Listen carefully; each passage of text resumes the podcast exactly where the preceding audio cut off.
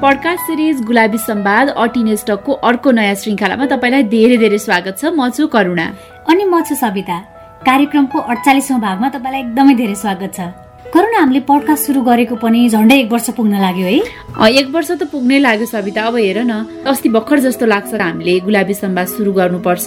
यौन तथा प्रजनन स्वास्थ्यको बारेमा चाहिँ छलफल आवश्यक छ भनेर चाहिँ कार्यक्रम सुरु गरेको। र हामी कति छिटै अगाडि पनि पुगिसक्यौँ र आज हामी अडचालिसौँ श्रृङ्खलामा छौँ कि? र यो यात्रासम्म आइपुग्दाखेरि अब कति धेरै यादहरू चाहिँ यति धेरै रोमाञ्चक छ भने कति धेरै कुराहरू चाहिँ हामीलाई आफै पनि सोचमग्न हुनुपर्ने अवस्था पनि थियो। त्यही त भने करुणा। र सोचमग्न चाहिँ यस हिसाबमा कि हामीले सुरु गरेको विषय यौन तथा प्रजनन स्वास्थ्य र अधिकारको विषयमा मात्रै कुरा गर्न गाह्रो पो हुने हो कि? कतै हामीले चाहे अनुसारको काम गर्न नसक्ने पो हौ कि हामीले भन्ने खालको कुराहरू चाहिँ मनमा आइरहन्थ्यो होइन? हामी दुइटा पनि एकदमै धेरै छलफल गरि नै रहन्थ्यौँ कि यो विषयमा। र यही कारणले गर्दा नै हामी एकदम धेरै घोत्लिरहेको हुन्थ्यौँ कि सोचिरहेको हुन्थ्यौँ कि कसरी राम्रो बनाउने कसरी चाहिँ यौन तथा प्रजनन स्वास्थ्य र अधिकारको बारेमा चाहिँ नयाँ नयाँ कुराहरू पत्ता लगाउने नयाँ नयाँ कुराहरू चाहिँ श्रोतालाई दिने भन्ने चाहिँ हामीमा छलफल भइरहन्थ्यो लामै। तर अब हामीलाई सुन्नेहरूले जस जसले हामीलाई चाहिँ सुन्दै आउनु भएको छ कार्यक्रम मार्फत उहाँहरूले दिने गर्नुभएको उत्साहजनक र अर्थपूर्ण प्रतिक्रियाहरू सल्लाह सुझाव होइन? अनि यो गर्दा चाहिँ राम्रो हुन्छ। अझै यो कुरालाई चाहिँ यसरी प्रस्तुत गर।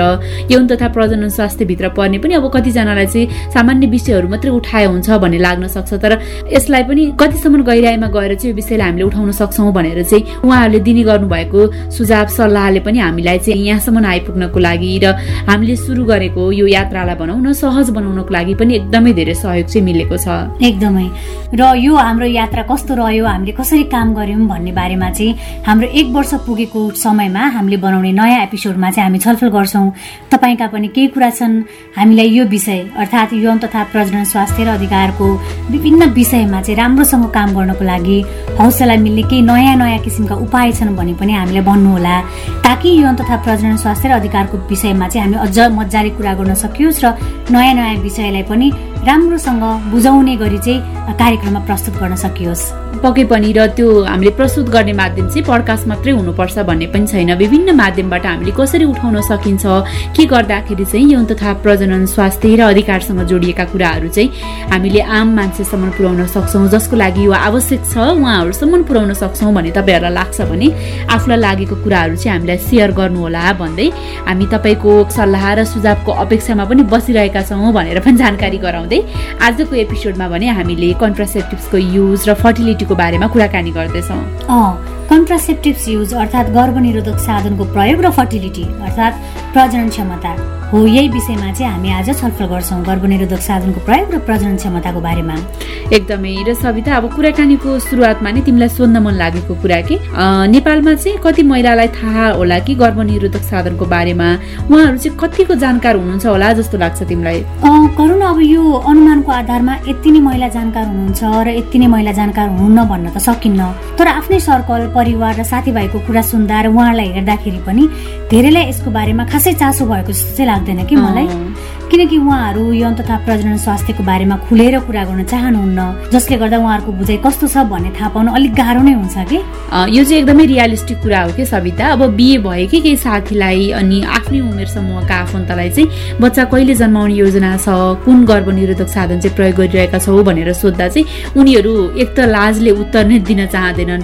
र यदि उनीहरूले केही गरी दिइहाल्यो भने पनि जवाफ अचम्मको हुन्छ कि? जस्तै कि अब कन्डम लगाएर यौन सम्पर्क गर्दा चाहिँ सेटिस्फ्याक्सन नै हुँदैन कन्डम फुट्छ त्यही भएर हामी त प्रयोग नै गर्दैनौँ भन्ने जस्तो कुराहरू गर्नुहुन्छ कि? हो नि अझ कतिजनामा त गर्भनिरोधक साधनहरू प्रयोग गर्दा आफूले चाहेको बेलामा बच्चा बस्दैन बाँझोपनको समस्या हुन्छ अझ प्रजनन क्षमतामा सम्म कमी आउँछ भन्ने खालको भ्रमहरू बाँकी नै छ कि? र यही कारणले गर्दा पनि होला सविता धेरै महिलामा गर्भनिरोधक साधनको बारेमा चाहिँ चासो नभएको जानकारी राख्न नखोज्ने गरेको हो कि जस्तो पनि लाग्छ। कि? र त्यो सँगसँगै नै करुणा मलाई चाहिँ अर्को कस्तो लाग्छ भने जस्तो यस्तो विषयमा चाहिँ श्रीमानले जानकारी राखे पुग्छ उसैले नै के साधन प्रयोग गर्ने या नगर्ने भन्ने कुरामा डिसिजन लिए हुन्छ। मैले त किन गर्नु पर्यो उसलाई सबै थाहा छ भन्ने खालको सोच पनि धेरै महिलाहरूमा देखेको छु कि मैले। यसले गर्दाखेरि पनि महिलाहरू चाहिँ यो विषयबाट अलिकता जानकारी राख्नबाट चाहिँ अलिकता पछाडि हुनुहुन्छ कि? जस्तो चाहिँ लाग्छ यो अब सहरी एरियामा त अलिक कम होला तर गाउँतिर हेऱ्यो भने चाहिँ त्यस्तो देखिन्छ। त्यो पनि हो सविता। अब हुन त अहिले सरकार र विभिन्न गैर सरकारी सङ्घ संस्थाले चाहिँ गर्भनिरोधक साधनको बारेमा जानकारी दिइरहेका हुन्छन्। अनि यो साधन चाहिँ यसरी प्रयोग गर्नुपर्छ यसको फाइदा यो छ यसको बेफाइदा यो छ भनेर विभिन्न परामर्शहरू पनि उपलब्ध गराइरहेका हुन्छन्। तर पनि अझै मानिसमा चाहिँ यसको बारेमा चाहिँ नकारात्मक धारणाहरू कायम छ जस्तो लाग्छ कि? हो नि। त्यही भएर त करुणा हामीले डाक्टर नितेश घिमिरेसँग कुरा गरेका छौँ नि। कि गर्भनिरोधक साधनको बारेमा महिलालाई कतिको जानकारी छ? के गर्भनिरोधक साधनको प्रयोगले बाँझोपन निम्त्याउने प्रजनन स्वास्थ्यमा समस्या हुने भन्ने कुरामा चाहिँ कतिको सत्यता छ भनेर। बरु उहाँकै कुरा सुनाउ न त अब। हुन्छ सविता।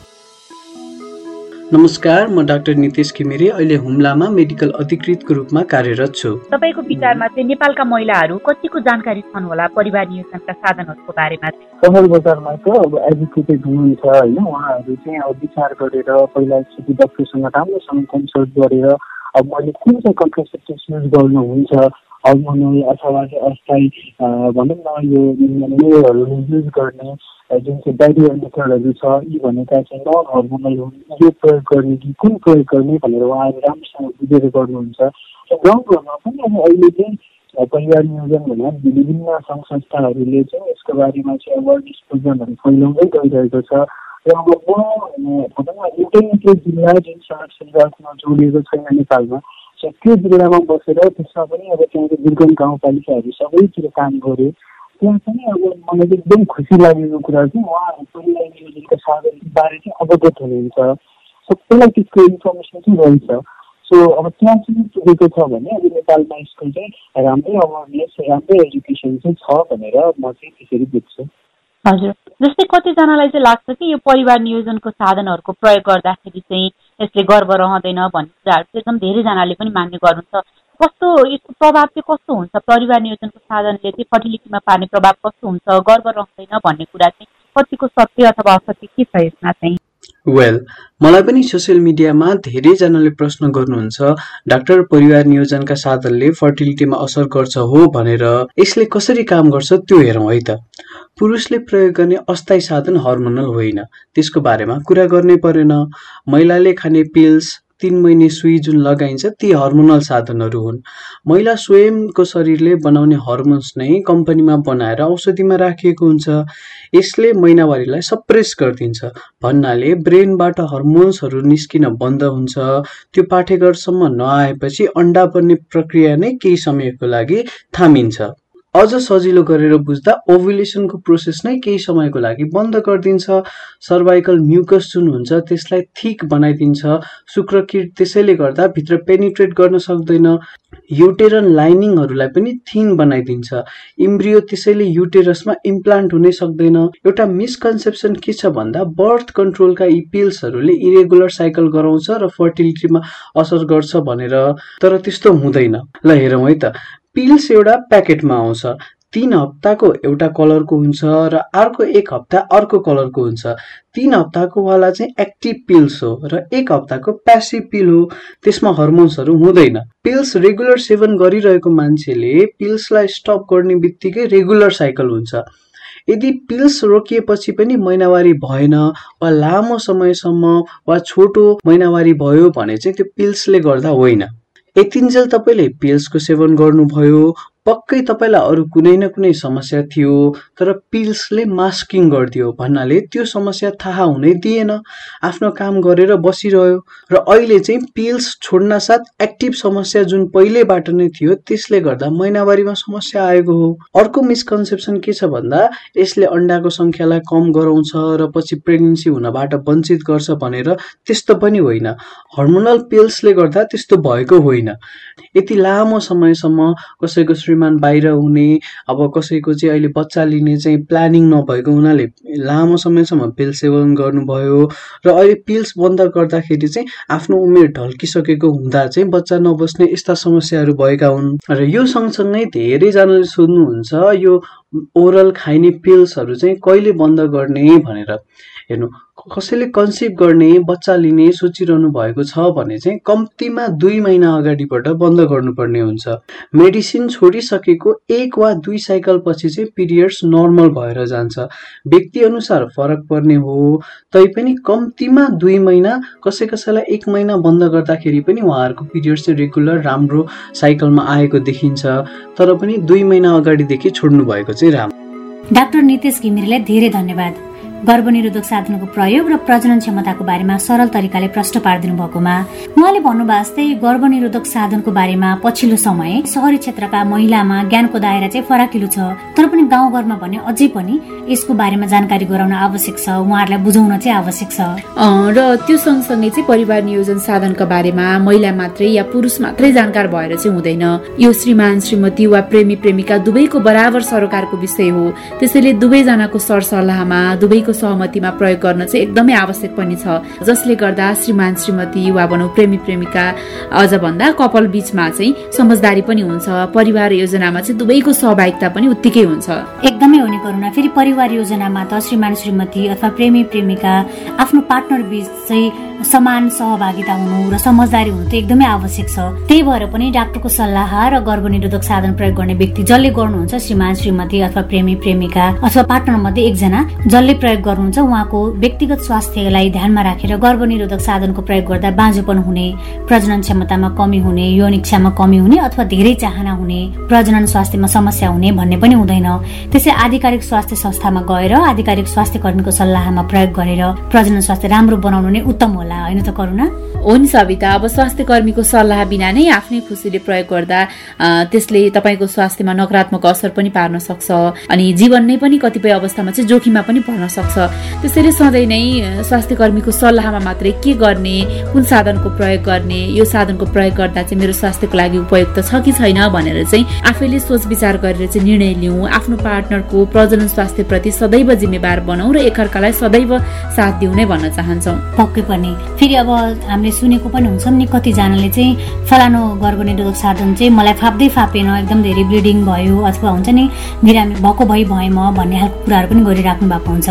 त्यही भएर चाहिँ अघि हामीले भनेको जस्तै र डाक्टर नितेशले भन्नुभएको जस्तै डाक्टरसँग स्वास्थ्य कर्मीसँग सरसल्लाह लिएर नै निर्णय लिनु आवश्यक हुन्छ र आज हामीले यही विषय गर्भनिरोधक साधनको प्रयोग र प्रजनन क्षमताको बारेमा गरेको छलफल तपाईँलाई कस्तो लाग्यो? कस्ता विषयमा छलफल गर्दा अझ राम्रो हुन्छ? जस्तो लागिरहेको छ तपाईँलाई? हामीले यति सबै कुराहरू भन्न नभुल्नु होला। तपाईँका कुरा हामीलाई भन्नको लागि हाम्रो इमेल ठेगाना रहेको छ।